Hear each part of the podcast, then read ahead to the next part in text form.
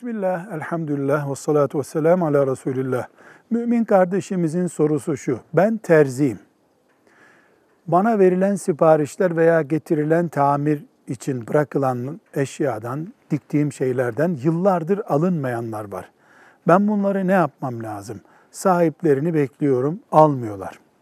Ben bundan ekonomik bir zararım da oluyor. Dükkanımda bekletmekten kaynaklanan yer işgaliyesi oluyor.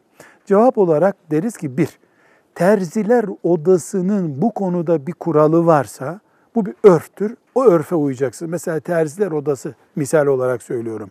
6 ayda alınmayan e, ceket veya sipariş e, terzinin inisiyatifindedir mesela diyorsa onu uygularsınız. Hayır, sizin bağlı olduğunuz terziler odası ki devlet onu tanıyor terziler adına böyle bir kural koymadıysa siz de böyle bir sorunla yaşıyorsanız terzi olarak mesela iki ay sonra alınmazsa bu ben bunu elimden çıkarırım diye bir fiş vermelisiniz. Verdiğiniz sipariş fişine dipnot olarak bunu yazmalısınız. Böyle ikisi de yoksa, terziler odasının bir beyanı yoksa bu konuda, siz daha önce müşteriyi bu konuda uyarmadıysanız, o zaman yapacağınız iş makul bir süre bekletmektir. Mesela bu makul süre çevre esnafı için bir yıldır diyelim.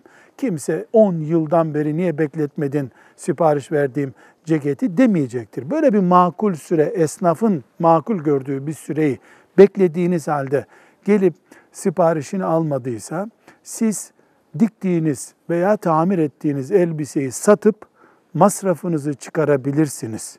Geri kalanını da sadaka verirsiniz.